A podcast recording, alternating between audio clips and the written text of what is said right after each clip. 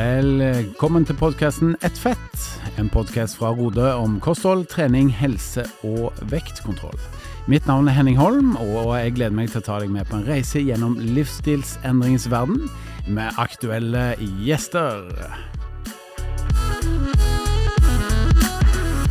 Velkommen til en ny episode av podkasten Ett fett. Jeg heter Henning, og jeg har med meg Halvor som vanlig her. Halvor, har du hatt det fint i julen så langt?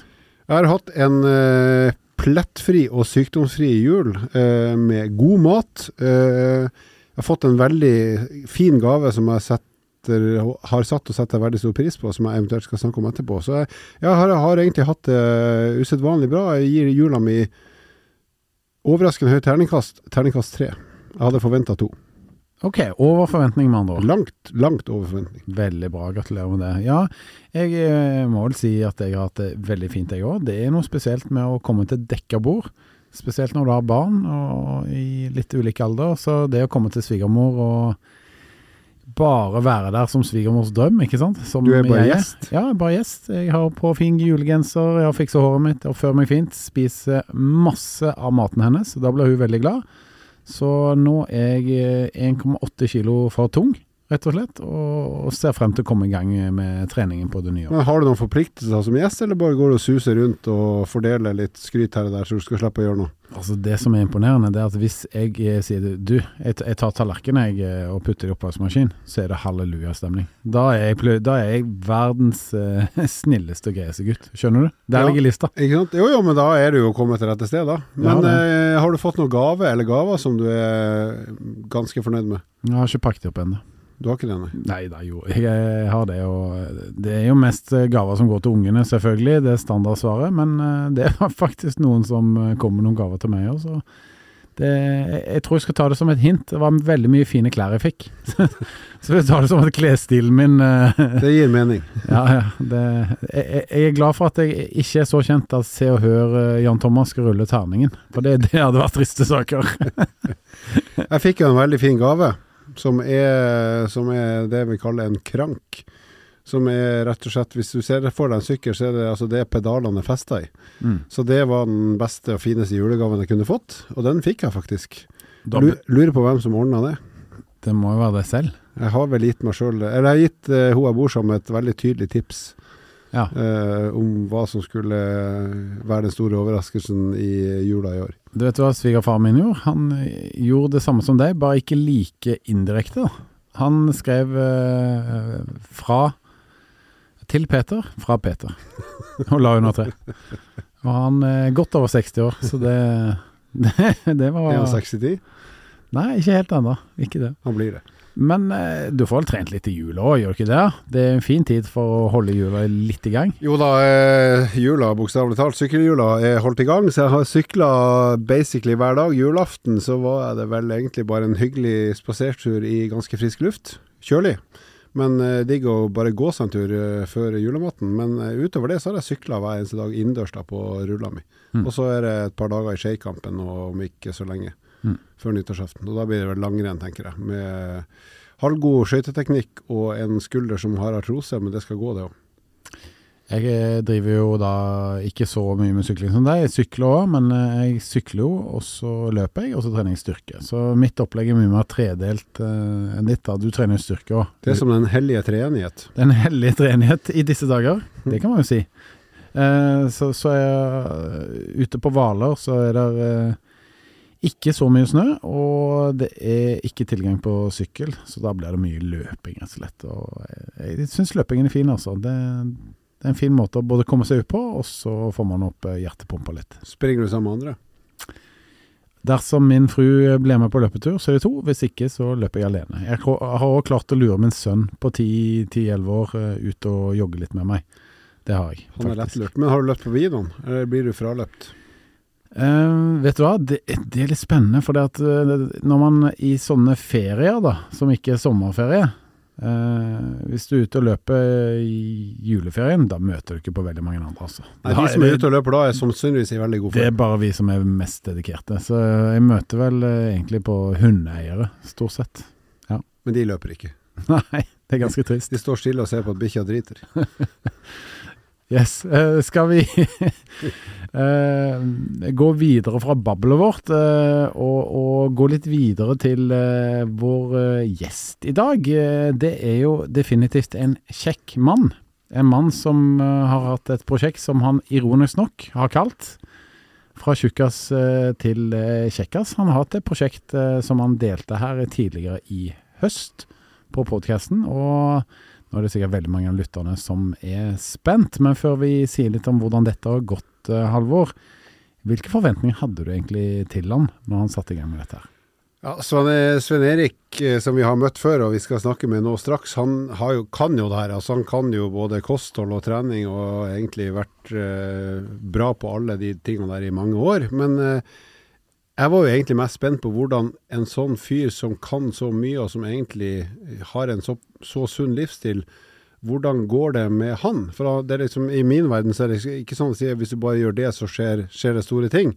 Så jeg liksom snakker ofte om å prøve å forandre på én ting i hverdagen, så vil du få ganske mye ut av det på kort og lang sikt. Mens jeg har vært litt mer usikker på han da, som i utgangspunktet er dyktig både på mat og trening, og se hva som uh, skjer med, med han når han egentlig har et såpass godt utgangspunkt som man har. da. Det var ikke noen åpenbare ting å bare ta tak i og si at bare fiks på det her, og så skjer det store ting. Så jeg er spent. Det er jeg også. Jeg eh, foreslår at vi tar eh, en mini-mini-mini-pause, og så introduserer vi Sven Erik.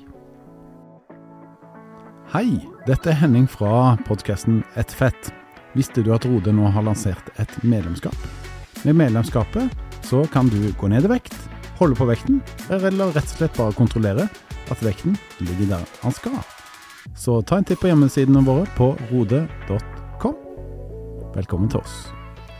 Da skal vi ønske velkommen til vår kjære gjest Sven Erik Dahl. Doktor Dahl, ifølge Halvor. Der har du fått en ny tittel. Velkommen tilbake. Tusen takk. Veldig, veldig hyggelig å være her igjen. Eller Dieseldal, som vi sier vi i Trøndelag. Dieseldal i Trøndelag, ja. Stemmer det. Vet du hva, Sven Vi er ikke i slekt. Nå var jo du her for noen uker siden, og så har du vært eh, en superflink gutt og gjennomført til punkt og prikke, mer eller mindre i hvert fall, det du skulle. Og så sitter det nå en kar her i en altfor stor skjorte. Ja. Du har ikke byttet ut klesgarderoben ennå, har du det? Det har jeg ikke Røkker. Selv om jeg, jeg, dere snakket om julegave her i stad. Jeg fikk faktisk en skjorte i julegave. Ja. Den var for stor. Den var for stor, ja. Så søstera mi har ikke fått med seg at jeg har gått ned i vekt. Nei, ikke sant. Det er for dårlig. Det er for dårlig. For den nå- må byttes. Når du starta nå på vekta, så var du 100,2? 100,8. 100,8. Ja. Riktig. Grusomt tall. Og hva viser den eh, per i dag? Per i dag så var den på 92,7. Så jeg har klart å gått ned 8 kilo da, på Seks uker. Seks uker, ja. Det er Wow. et formidabelt tall. Det er faktisk mer enn det jeg trodde var mulig sjøl, for å være helt ærlig.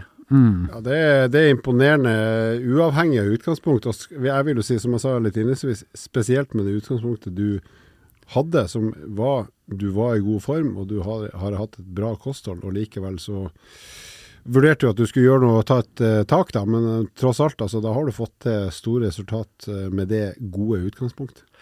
Ja, det er for så vidt sant, men eh, du snakker meg litt opp da, Alvor, for at det, jeg, jeg ikke har ikke så bra kosthold som jeg kanskje har latt uh, deg tro. Ja, du spiser iallfall mye grønnsaker når jeg ser på. Veldig mye grønnsaker. men så er det at jeg har, i hvert fall før jeg begynte med prosjektet her, så har jeg spist ganske mye sjokolade òg, da. Jeg er liksom veldig sånn søt, søt Hva heter det? Søtnos? Søtnos, ja. Du er en søtnos, men søtmons. Søtmons, søtmons, eh. Søtnos, ja. Ja, det ja. det. Er bra noen kommer på podkasten her og lanserer seg selv som en søtnos. Det er bra dere ikke kan se han, folkens. Da har dere blitt skuffa. Å nei da, men han har altfor stor skjorte. Du, du må fortelle oss eh, hvordan har denne reisen vært for deg? Du, det, har, altså det er jo som eh, dere begge sier, at eh, jeg vet jo hva jeg skal gjøre. Eh, Så jeg har jo egentlig vært litt sånn, vet ikke om vi kan kalle det en diagnose, men jeg har jo, har jo fulgt rodemetoden til punkt og prikke. Nesten litt sånn vulgært, ekstremt fulgt med på egentlig alt. Litt sånn yrkesskade, kanskje. Så jeg har registrert i den her fantastiske Rode- Rode-appen hver eneste dag. Altså det du har gjort, du har- du har rett og slett gått inn for det her som, med hud og hår hver dag. 100 Ja. Og det som Jeg, jeg har faktisk fått litt kritikk eh, utenifra eh, fra noen eh, kollegaer og sånn. og sa at «Ja, men Svein Erik, du, når du gjør det her så offentlig, snakke om det i podkast, gjør det på Facebook og sånn, så er det jo Da er du styrt av ytre motivasjon. For da vil du jo ha feedback fra andre, og da er det liksom ikke, da er det ikke driven Det er ikke bare for deg sjøl, liksom? Ikke bare for meg sjøl, ikke sant. Og det er faktisk en kritikk som jeg, kritikk som jeg skjønner. Eh, for det er, jo, det er, jo, litt sånn ytre motivert, eh, også for å vise andre at jeg mm. mener at rodemetoden fungerer. Men du har jo også gjort det for at det skal være en skikkelig commitment fra din egen side òg? Det er nettopp det. Og det som er veldig interessant da, i løpet av bare her ukene her, det er at jeg har gått fra kanskje å være litt sånn ytre motivert til å bli veldig indre motivert. For når jeg ser at jeg får såpass gode resultater såpass fort, så blir du, du føler det på kroppen. Du kjenner det overskuddet og kjenner at det her, sånn vil jeg ha det resten av livet, liksom. Så du har kommet inn i flyfasen, da, som det heter. Du får eh, ganske bra resultater etter en periode, og blir motivert av å få resultater. Det er nettopp det. Mm. det og det Jeg har jo gjort det en gang før, for, for noen år siden, så jeg vet jo at det, at det er sånn. Men det var liksom nytt å oppdage det på nytt. Ja, for du hadde for en 10-12 år siden så gikk du jo ned røftlig 20 kilo. Ja, så det var liksom så dobbelt var... så mye som jeg har tenkt å ja. gå ned nå, da. Men det har, Vi har jo snakka mye sammen, for vi jobber jo sammen. Så selv om vi ikke liker hverandre, så må vi snakke sammen hver dag. Grusomt. Nei da, vi er ganske gode venner. Nei, men det, du har jo sagt at du er ikke så glad i det tallet 100, og det er jo sånn det er noe du personlig Du har ikke lyst å se et tall over 100 når du går på vekta, har du jo sagt. Ikke sant. Og den forrige gangen, da var jeg jo faktisk oppe i 112 før jeg tok tak.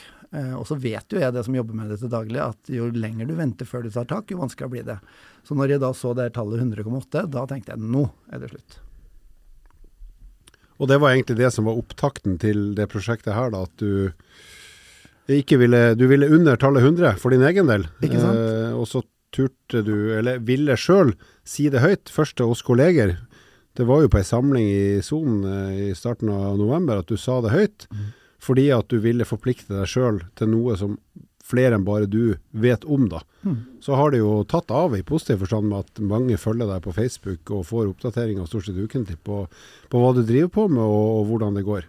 Så mm. det er jo flere og flere som følger deg. og jeg vil jo, så vidt jeg kan se, heie på det du driver på med. Mm, og ønsker deg alt godt på, på, den reisa du er på nå. Jeg har fått den største heiingen jeg noen gang har hatt, og det er også motiverer da, selvsagt. Selv om igjen da, det kanskje er en ytre, kan, kan kalle det en ytre motivasjon, men det hjelper det, altså. Men hvem var dette sin idé? Det var, det var min idé i utgangspunktet. Det var din idé. For ja, du leste den boka som Halvard skrev for mange herrens år siden, som heter 'Fra tjukkas til kjekkas', og ble veldig motivert av det, hadde lyst til å sette i gang. Mm. Og så lanserte du dette prosjektet for oss, da. Uh, og så jeg er litt usikker på om, om vi skal kalle det indre lytter og motivert, rett og slett. Jeg tror det er litt av begge deler. Ja. Uh, for det, det, er jo du som hadde lyst til å gjennomføre dette. her. Men om det da var fordi at du virkelig har en indre, indre drive og har lyst, eller fordi at det er fordi du føler du burde ha, eller skulle ha. Det er den eh, filosofiske liksom, refleksjonen rundt dette. da. Ja, da det, er det høna eller egget? Ja, og det er et godt poeng. Mm. Men, men, jeg har jo på en måte snakka om det prosjektet med utestemme for første gang. Jeg, mm. Tidligere når jeg har gått ned, eller når jeg har slitt med det, så har jeg vært med veldig innestemme og inni meg sjøl, liksom. Og når vi snakker om deg, Svein, så kan det jo ikke være høna. Det må jo være egget. det må være åpenbart. Men kan du si litt eh, Det som vi snakker om, som var kanskje den største endringa du gjorde i forhold til hva du har gjort før, er at du har lagt inn to sånne motbakkeintervalløkter som, som ny, nytt i din treningshverdag. Og de er jo kort forklart sånn at man setter tredemølla på 10% stigning, som er ganske bratt stigning. Det kan jo være at du kan like gjerne løpe ute, men du har nå valgt å gjøre det på tredemølla fordi at treningssenteret er vegg i vegg her. Og så løper du åtte ganger to minutter med 90 sekunders pause, og da jobber du såpass hardt at du blir sliten, men du har bra kontroll. sånn at hvis en lytter skal forestille seg hvor sliten er du etter de to minuttene før du får pause, så er det sånn at du kunne ha klart i hvert fall ett minutt til før du var nødt til å ta pause. Så du har mer å gi før du Men du skal ha pause etter to minutter. Og Kan ikke du si litt om hvordan utviklinga har vært der i forhold til den farta du begynte å jogge på, og hvordan fart du holder nå etter de seks ukene med bl.a. intervalltreninga to ganger i uka? Mm. Ja, først må jeg jo si, som jeg sa sist, at jeg har jo egentlig hatt et veldig anstrengt forhold til tredemølle. Har ikke syntes at det var noe gøy i det hele tatt. Uh, og da du da uh, satte opp det her løpeprogrammet til meg, så var du tidlig med å si at det lønner seg å ha en uh, høy stigning, eller stigningsprosent, for da trenger du ikke løpe så fort. Og så sa du også at det er lurt å kjøre tominuttersintervaller, minutters intervaller, for det er litt eh, det, du klarer å holde, holde ut i to minutter. Uh, mer enn sånn type 4-4-intervall som jeg har vært vant til tidligere. da. Ja, For to minutter er så kort at med en gang du er i gang, så er du nesten ferdig. Ikke sant? På en måte. Og den første økta, da skal jeg være ærlig og si at jeg syns det, det, var hardt. For da var jeg vel, starta vel på sju kilometer i timen, og ja. så gikk vi opp til åtte da på det siste draget. Ja. Og da var jeg skikkelig Da, da var du helt på kjelleren, i kjelleren? Var jeg nesten oppe i makspuls, tror jeg. Så da var, du, da var du egentlig mer sliten enn det jeg ønska at du skulle være. Men det var bare for å teste deg sjøl helt på slutten, nettopp, tror jeg. Ja. Nettopp. Og så må jeg ærlig innrømme, nå har jeg vel ja, mange drag jeg har nå, sånn 16 Du har vel trent den økta her 12 ganger, eller 13 ganger? 12-13 blir det, ja. Og vet du hva, nå har jeg liksom gjenfunnet gleden ved å løpe, rett og slett. Jeg syns det er kjempegøy. Og så ser du at jeg har eh, framgang fra gang til gang, fortsatt. Så nå siste økta jeg tok, da, for et par dager siden, så var jeg oppe i en fart på 9,4. Så jeg har liksom hele tida gått uh, lite steg opp, da. Og det er ganske stor forskjell, altså fra å kalle det ei toppfart på 8 km i timen der det var fullstendig kokt, til nå å kjøre på 9,4 km i timen på egentlig bare seks ukers trening med denne motbakken. Og da har du altså samme vinkel, så du har 10% stigning fortsatt. Altså det er farta du på en måte regulerer på, sånn at du i takt med bedre form rett og slett må løpe eller jogge fortere enn før for å bli så slitsen som du bør bli på de intervallene. Mm. Det er kjempebra. Jeg har jo sett i ulike sosiale medier at det er veldig mange andre som har blitt motivert, og som har testa økta di. Mm -hmm. ja. eh, det må være spesielt at så mange andre blir inspirert og motivert av deg. Ja, sant. Som kjører ek egentlig akkurat den samme økta, uh, mm. men da på sitt uh, nivå, skulle jeg si. Mm. Uh, og så har det blitt litt sånn konkurranse òg, da, med noen som, som skal prøve å ta meg igjen. Mm. Og pluss at jeg hadde en, kollega, en kollega i Dagbladet som da sprang fortere enn meg på den ene økta. Da tenkte jeg han, da må jeg, nå må jeg sette meg nye mål og ta igjen han. Ja, han Gorm var litt kjappere enn deg, så det var du litt irritert på. Så ja, du, nå skal du prøve å nå han igjen i løpet av noen uker. Det må jeg klare. Yes. Det er liksom ultimate målet nå. Men jeg har et uh, spørsmål om sånn overføringsverdi, da. For det er noe sånn at tennisen At du merker på tennisen at du er i bedre form. For du har jo spilt tennis og vært uh, altså spesifikt, uh, for å kalle det spesifikt god form.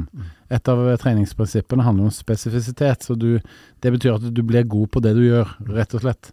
Så du er vant med å spille tennis. Du er jo faktisk europamester i tennis. Ja, I homotennis, da, må vi, må presisere. Ja ja, men europamester er du. Ja, det er godt. Da er du på et bra nivå. Ikke sant. Ja. Og, og, da lurer jeg på om du merker dette her da på tennisbanen, at du har løpt uh, disse motbakkeintervallene. Ja, det gjør jeg faktisk. Og det, var, det, er jo en av motivasjonene for å nettopp uh, øke For jeg, altså, jeg trener jo egentlig ganske mye, som du sier, og da særlig tennis. Uh, og trener styrke i tillegg. Men det som da har Det jeg har sett nå, da, det er at de løpeøktene hjelper meg også på tennisbanen veldig. Uh, og, og, først og fremst i forhold til kondis, selvsagt, men jeg merker at jeg har liksom mer overskudd uh, totalt sett. Og det handler jo også om at jeg i tillegg har gått ned i vekt. Uh, så jeg De kompisene mine, trenings- eller tenniskompisene mine, de blir litt surere og surere, for nå er det lettere og lettere å slå dem. Ja, du blir bedre og bedre i tennis hver uke, du, foreløpig. Ja, absolutt. Så det er ikke så verst. Når du nærmer deg en alder på snart 80 år.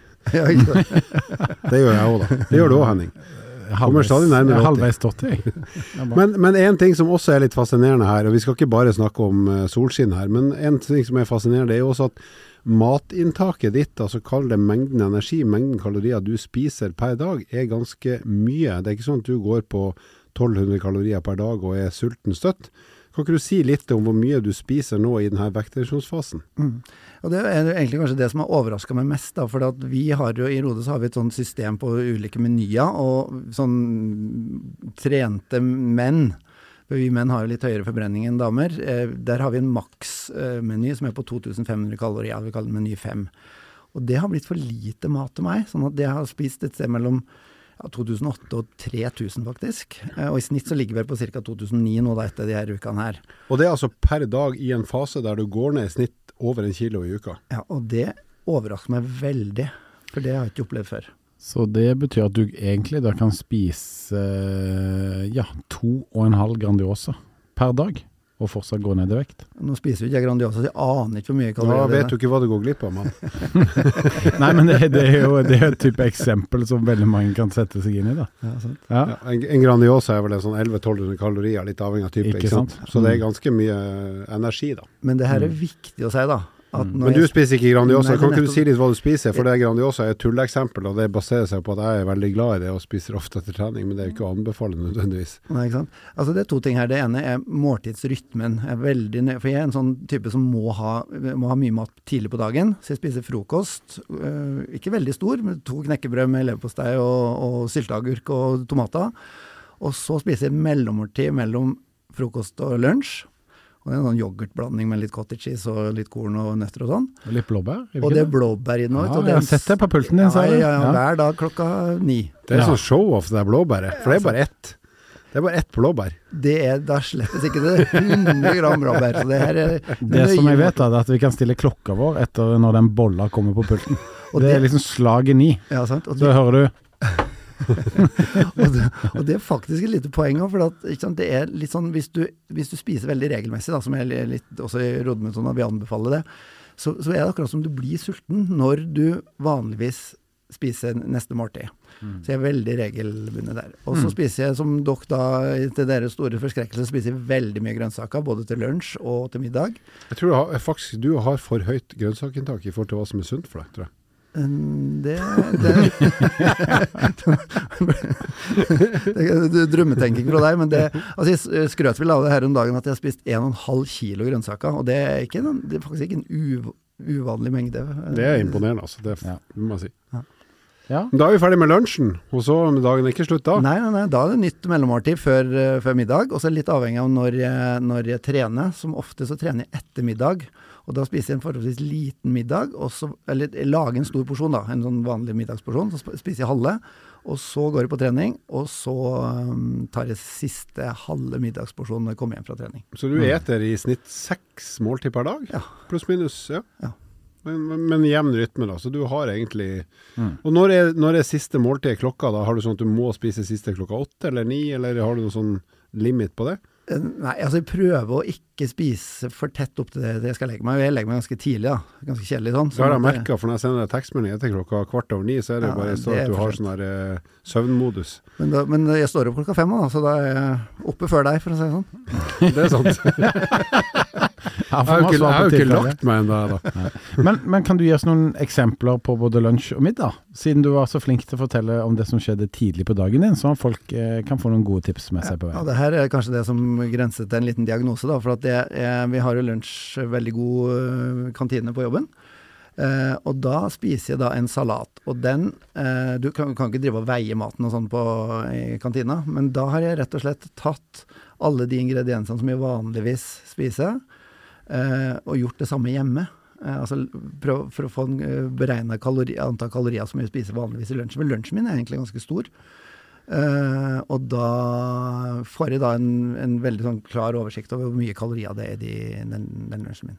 Men nå har du vel, antar jeg, beskrevet hverdagsmåltidene dine. Har du noen forskjell på dine måltidsrytme på en lørdag-søndag kontra en mandag-tirsdag? Eller er det det samme? Egentlig ikke. Altså jeg står opp litt senere da i helgene. Det var godt å høre. Og så kutter jeg kanskje det mellommåltidet mellom lunsj og middag i helgene. Og det er også fordi at jeg trener litt tidligere på dagen, da, som oftest i helgene. Er ditt aktivitetsmål litt lavere på helgene, rett og slett for at du ikke går så mye til og fra jobb og sånne ting, eller er det, Nei, det er likt? egentlig motsatt, for Oi. jeg spiller mye tennis i helgene. Så da blir det egentlig mer eh, aktivitet i helgene enn det Og så har jeg spinningkurs på søndager, så da blir det også litt ekstra der. Men eh, nå har du jo fortalt om alle de fine tingene som skjer. Det, alt har vel ikke vært helt prima topp stemning hele veien, eller? Nei, det, det er sant. Eh, Jeg hadde en liten periode før jul der det var litt julebord, og blant på julebord med jobben sammen med dere. Og da var det sånn at uh, det var gudskjelov bare sushi, da, så det er jo for så vidt en ganske sånn snill julebordmeny. Men når vi kom til desserten, så hadde vertinna vært så omsorgsfull at hun har funnet at istedenfor at jeg skulle få kake, så fikk jeg da en liten sånn Rode kokosbolle. Eh, og det var litt sånn kjipt at, at jeg ikke kunne spise dessert. Og jeg går jo rundt og har hele tida lyst på sjokolade og ikke minst marsipan, som er min store lidenskap. Og nå i denne tida her i, rundt jul og både før og etter jul, så er det, det er litt vanskelig å holde seg unna det. Altså du må rett og slett uh, kontrollere, eller kalle disiplinere, ditt ønske om å spise sjokolade og marsipan. ja, For det har ikke avtatt, det er konstant. Altså, Man snakker om det med søtsug. altså Det har nok kanskje avtatt en del. Det, det, det blir liksom, men det, det, sitter litt sånn i hodet. Så jeg, altså Hver gang jeg går forbi en sjokoladeskål, så har jeg jo lyst på den sjokoladen. Men uh, det har gudskjelov ikke vært så mange sjokoladeskåler foran meg i det siste. da. Men er det ikke nyttig for deg å vite om hva som er din utfordring, da? Ja. Altså, du vet at ok, sjokolade det er min store akilleshæl, mm. så jeg kan ikke ha det i huset f.eks. Eller når det serveres, så går jeg forbi det bordet osv. Men bare det å vite det utgangspunktet, det må jo være behjelpelig, tenker jeg. Men det tenker jeg, det, det tror jeg de fleste vet. De vet hva, mm. hvor skoen trykker i forhold til kosthold eller trening eller hva som helst. Også. Men hva gjør du da som, for at du skal unngå å gi, et, det, gi etter, da? Eller har lyst på, altså spise sjokolade når du har lyst på det, i, i den fasen her f.eks.? Altså jeg tror du, du, nærmest Det blir litt sånn at du blokker litt ut muligheten for å spise det. Du sier til deg sjøl at det, nå, skal jeg, nå skal jeg ned i vekt, da må jeg gjøre visse prioriteringer. Og da blir det litt sånn at eh, du, du, du tenker mindre og mindre på muligheten for å spise sjokolade, da, f.eks. Og, det, og det, det, går overraskende bra, altså. Men det er klart det er et lite sånn savn der. Jeg har en kollega som, som kursleder som sier at hun måtte skille seg fra, fra Freia og det er litt det samme jeg føler at jeg i hvert fall har, om ikke tatt ut skilsmissen, så er det i hvert fall en liten sånn eh, pause. En separasjon? En separasjon, ja. Men treninga, da? Har det vært rosenrødt, det, eller har det vært uh, tunge dager? Det har vært en par sånne løpeøkter der jeg ikke har vært helt i topp, toppslag, og da jeg ikke har klart målet om å hele tida øke farten. Og det har vært litt sånn Ikke at det har vært noe sånn stort problem, men, men da måtte jeg liksom ha justert ned ambisjonene for akkurat den økta. Uh, men det som har vært uh, det viktige for meg, det er å gjennomføre økta likevel. Og da får du en godfølelse, til tross for at beina har kanskje vært litt uh, tung og det har gått litt Og da, da er Poenget med den økta er ikke at du alltid skal sette ny rekord, men det er jo at du skal jobbe hardt nok med de beina du har for dagen. Sånn at hjertet ditt får jobba det det trenger for å utvikle seg til å bli større og sterkere. Og det har du vært veldig flink til. Så de tunge dagene har du gjennomført, men med lavere fart enn økta før men likevel nok til at hjertet får den treninga det skal uh, ha for å utvikles. Nå har vi jo intervjua Svein Erik eh, ganske bra her og fått innsikt i prosjektet hans. Eh, hvis vi to skal reflektere litt rundt det Svein Erik sier, og fra observert han i det daglige, så vil jeg si at jeg er mest imponert over kostholdsregimet som han klarer å gjennomføre. Jeg tror at veldig mange av lytterne de er fullt klar over eh, hva som skal til, og hva som er de store utfordringene, som sjokoladen, sånn som du beskriver. Men at man ikke klarer å gjennomføre mer enn tre-fire dager, og så blir man lei, og så hopper man av.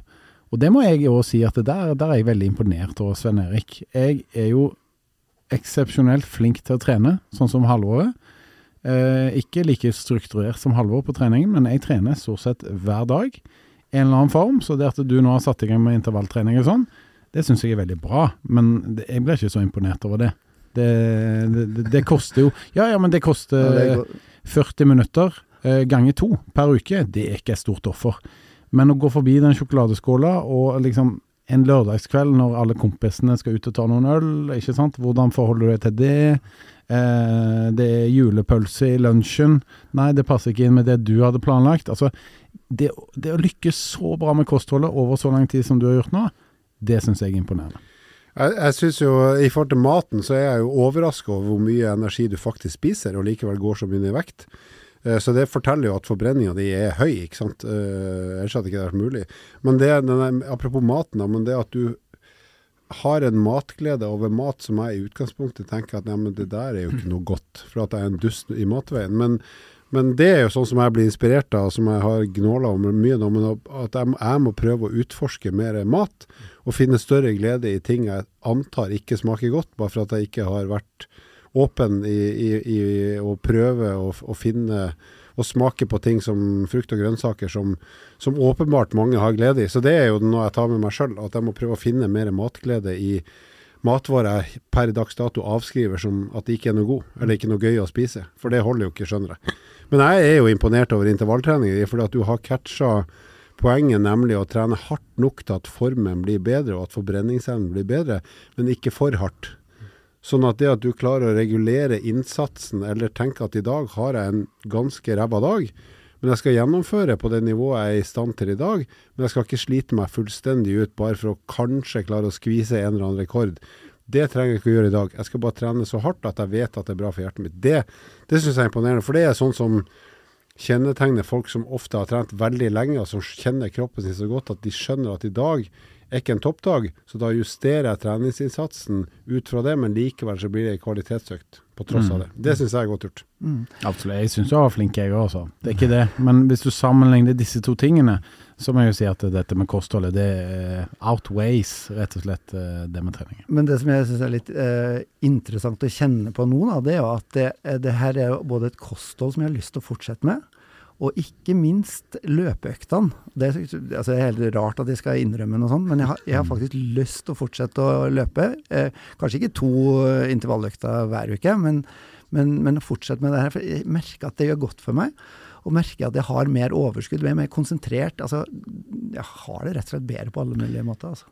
Men som personlig trener som sitter ved siden av og observerer deg, Svein Erik, så vil jeg si at det, det finnes noen suksesskriterier her som folk kan adoptere inn i sitt eget eh, ja, opplegg, da, hvis de ønsker å gå ned i vekt. Og når det kommer til trening, så vil jeg si at det er to faktorer spesielt. Det ene er at du har fått eh, skikkelig god hjelp, rett og slett. Halvor har lagt et opplegg til deg. Eh, så du trenger ikke finne opp noe hjul selv. Du, du, du får det servert av Halvor.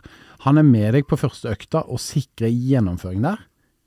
Mm. Og så er du så smart at du inviterer kollegaer og venner til å bli med deg på trening. Ikke sant? Tirsdag på mølla med Svein Erik, det er fast. Det er blitt Ja. en uh, greie. Så det er liksom å få hjelp i starten, og deretter ha med seg en venn, eventuelt ha en PT, da. Det hadde jo òg funka, men det koster litt mer.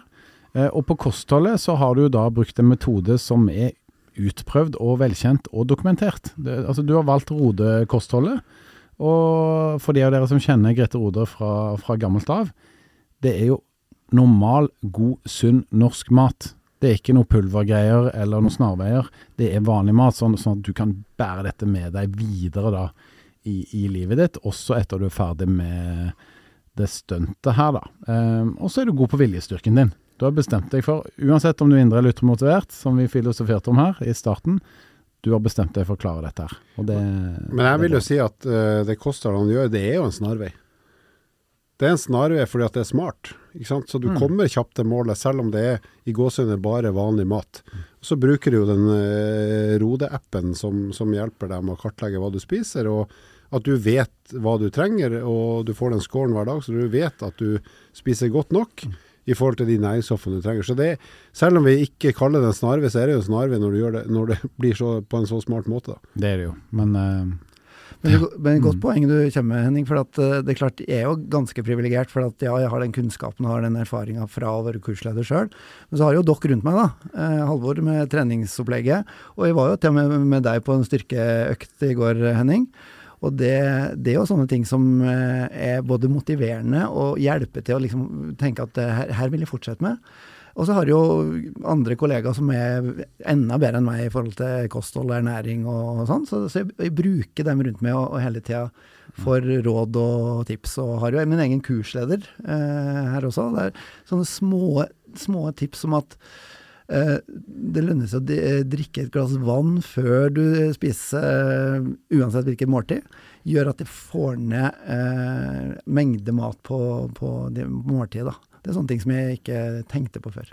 Men du er jo kursleder selv og hjelper andre ned i vekt. Er det sånn at de blir motivert av at du òg nå tar dette her, eh, ja, Ja. dette stuntet, da? Man skal jo være litt forsiktig med å liksom bruke seg sjøl for mye i kurssammenhengen, men jeg har vært åpen om det overfor kursdeltakerne mine, så nå har det blitt en litt sånn greie. da. Ja, hvordan har det gått med deg? Det er du som får oppfølging. Jeg får oppfølging fra mine deltakere. så det, Nei, selvfølgelig handler det om kunden, men jeg lurer på om de lar seg eh, motivere litt, da. Ja, det, det tror jeg faktisk. Mm. Det, og veldig mange både hører på podkasten og følger meg på Facebook, så det Jeg har jo delt eh, en del av de snuttene dine eh, som jeg tenker kan gi inspirasjon til andre som følger meg på Facebook. Og det, jeg vet at det er flere som kjører den økta fordi at de ser at det virker på deg. Mm. Og de tenker at OK, jeg er i ganske lik situasjon som han der, så hvorfor ikke gi det en sjanse? Og det funker jo selvfølgelig. det gjør det.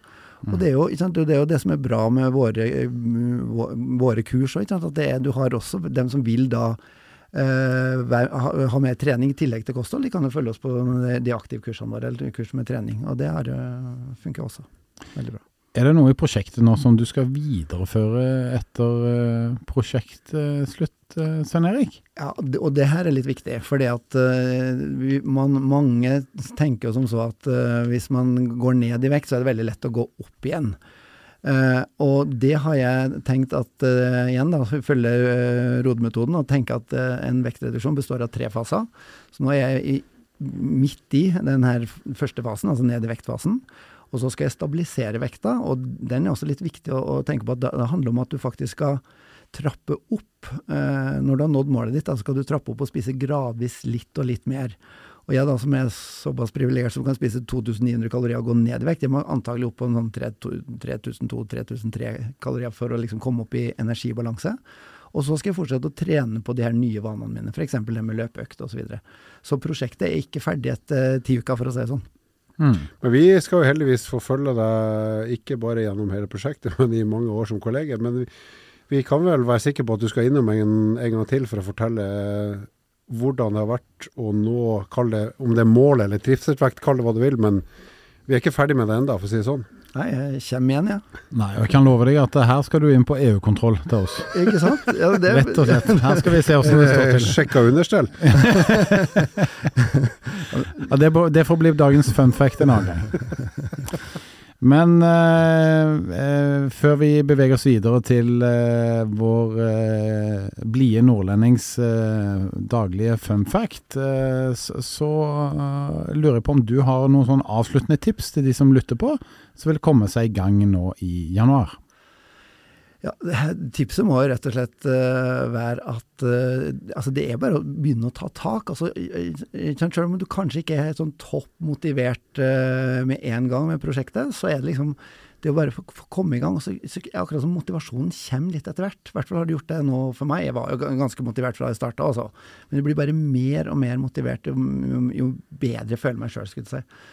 Sånn at øh, hvis man er litt sånn øh, har vært mye juleribbe, og, og, så er det liksom bare å gå i gang. I hvert fall hvis man er misfornøyd med antall kilo, da. Så, så, er det bare liksom å gå i gang og begynne, og så, så det, kan hende at motivasjonen kommer etter hvert. Bra. Eh, dagens fun fact, Halvor. Hva har du å by på i dag? Jeg vet ikke hva, Nå har jeg gjort litt research, og jeg har eh, nå lest fra såpass mange usikre kilder, men alle sier det samme, eh, som hevder at etter å ha spist et stort måltid, som vi jo har gjort de fleste av oss i jula, så får du dårligere hørsel en periode etterpå. Altså en, sånn opp mot en halvtimes tid. Uh, og jeg skjønner ikke helt hvorfor, men er det kanskje det er for at vi tygger så mye? At vi lager et eller annet merkelig trykk? Ja, det, det, er et godt spørsmål. For jeg tenker jo Hvis du gjør som Svein Erik og drikker et glass vann før, så kanskje du på forhånd kan utligne trykket, og så drikker du litt vann etterpå, så er du kanskje i null igjen. Mm. Men husk på det, folkens. Etter et større måltid, så hører du dårligere, så du må snakke høyere hvis du snakker med folk som har spist like mye som deg. Ja, så etter du har spist, skru opp lyden på TV-en. Og utestemme inne. Det var en spennende fun fact, Halvor. Jeg kan eh, nesten ikke vente på neste ukes eh, fun fact. Med det sagt så vil vi minne på å gå inn på Facebook. Der finner du Facebook-gruppa vår eh, som eh, heter Ett fett. Så der er det bare å komme med spørsmål eller ønsker til temaer som du ønsker at vi skal diskutere med våre aktuelle gjester.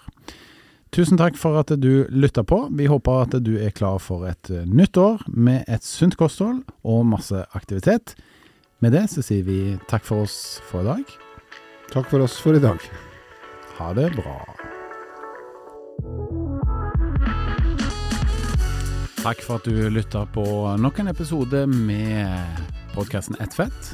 Dersom du er interessert i å lese mer om eh, livsstilsendring, gå inn på Rode-magasinet på rode.com.